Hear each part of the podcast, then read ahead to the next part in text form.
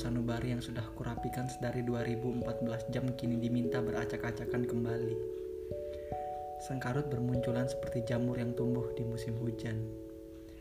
Menyeruak dari ujung jari ke telapak tangan sampai sekarang melingkar di leher dan menyekiknya.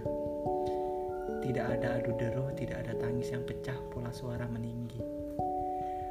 Suaramu hanya sedikit hangat, tapi sungguh tidak ada yang terbakar di sini. Semua baik-baik saja.